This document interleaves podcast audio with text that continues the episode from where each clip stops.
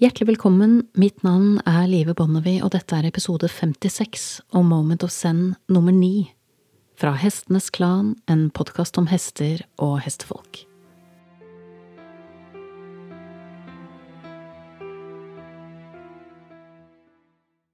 Mitt niende Moment of Zen er interessant nok hentet fra niende uke av et ti ukers program jeg deltar i, der målet er å kommunisere med hesten på en ny og dypere måte uten press, uten godbiter og uten knep. Det vi etterstreber, er toveiskommunikasjon, der hesten ikke gjør som den blir fortalt, men den blir spurt. Målet er å sikre hesten selvstendighet i en verden der vi mennesker normalt legger et løp der hesten litt for ofte passiviseres eller må legge bånd på seg selv for å tekkes oss. En verden der det først og fremst er hestens aksept og mottakelighet for våre ønsker og våre behov som belønnes og applauderes. Jeg tipper det er rundt 20 år siden jeg deltok på en klinikk med Leslie Desmond der hun forfektet at dersom et ja skal gi mening, må det også finnes rom for et nei. Så tanken på at hesten skal kunne takke nei, er ikke ny. Det har jeg hatt et stort fokus på både med min forrige hest og med den hesten jeg har eid de siste åtte årene. Men dersom nei er svart og ja er hvitt, så er det som alltid mange nyanser av grått mellom disse to ytterpunktene mange grå nyanser der svaret ikke er gitt. For det er ikke alltid så lett å skille det Anna Blake i episode 26 kalte for et hardt nei, og et nei som kan bli et ja hvis man tar seg tiden eller bryet med å stille spørsmålet så det blir forstått, og tar seg tid og bry med å høre og respektere svaret som blir gitt. En av bøkene som er blitt anbefalt i forbindelse med dette programmet, er Imke Spilkers Empowered Horses en bok som dykker ned i en relasjon mellom hest og menneske, som bygger på en sunn symbiose som begge parter nyter godt av, fremfor at vi i verste fall ter oss som parasitter, som suger ut det vi vil ha, når vi vil ha det.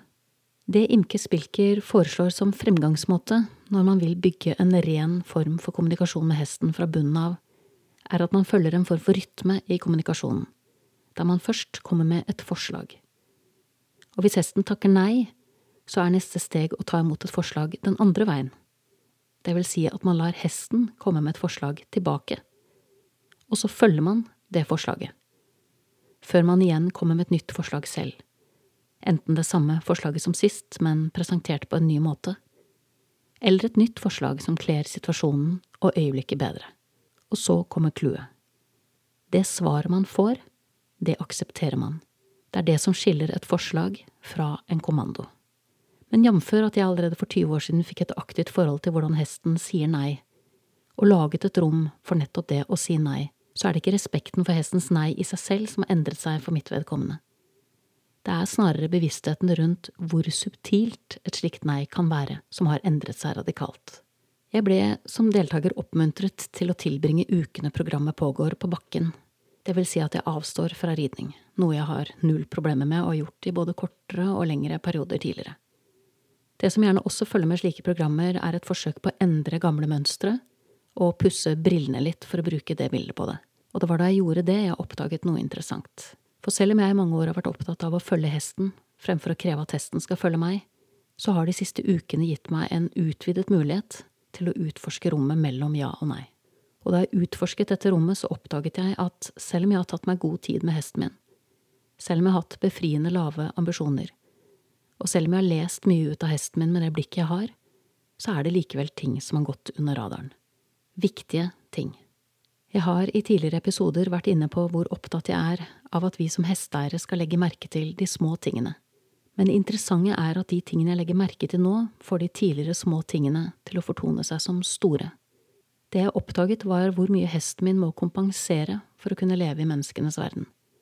Han er gudbenådet kommunikativ og uttrykksfull som type, men jeg har likevel ikke hørt alt han har hatt på hjertet. Jeg har først og fremst hørt det jeg har lært å høre.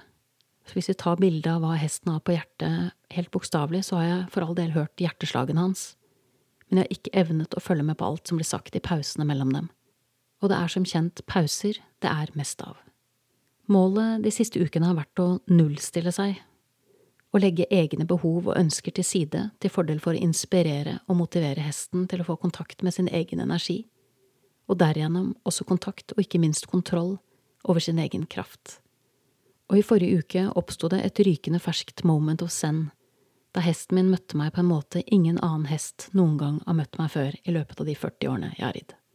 Jeg har for all del hatt hester som har kjent igjen bilen min når jeg kommer, hester som har ventet ved porten, hester som har knegget eller vrinsket når de har sett meg, eller kommet meg galopperende i møte. Men den hesten som møtte meg for tre dager siden, har jeg aldri møtt før. En hest som kommer mot meg i strak galopp, mens han vrinsker. Og mens jeg lukker meg inn gjennom porten, så galopperer han rundt på innsiden av gjerdet, og som en atletisk akrobat så leverer han det mine snowboardkjørende sønner kaller for 180 og 360, den ene etter den andre, med florlett frampart og lette steg. Jeg ble fortalt da jeg startet dette arbeidet for syv uker siden, at hesten ville fortelle meg når han var klar for å gå videre, og at øyeblikket ikke ville være til å ta feil av. Og det stemte. Det jeg så denne dagen, var en hest som kom meg i møte uten en eneste betenkelighet, uten en eneste reservasjon.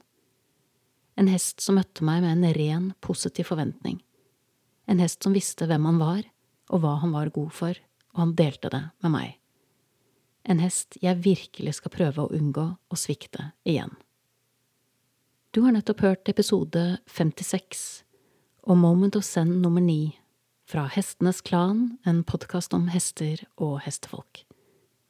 Takk til min faste komponist Fredrik Blom, og sist, men ikke minst, takk til deg, kjære lytter, for tålmodigheten.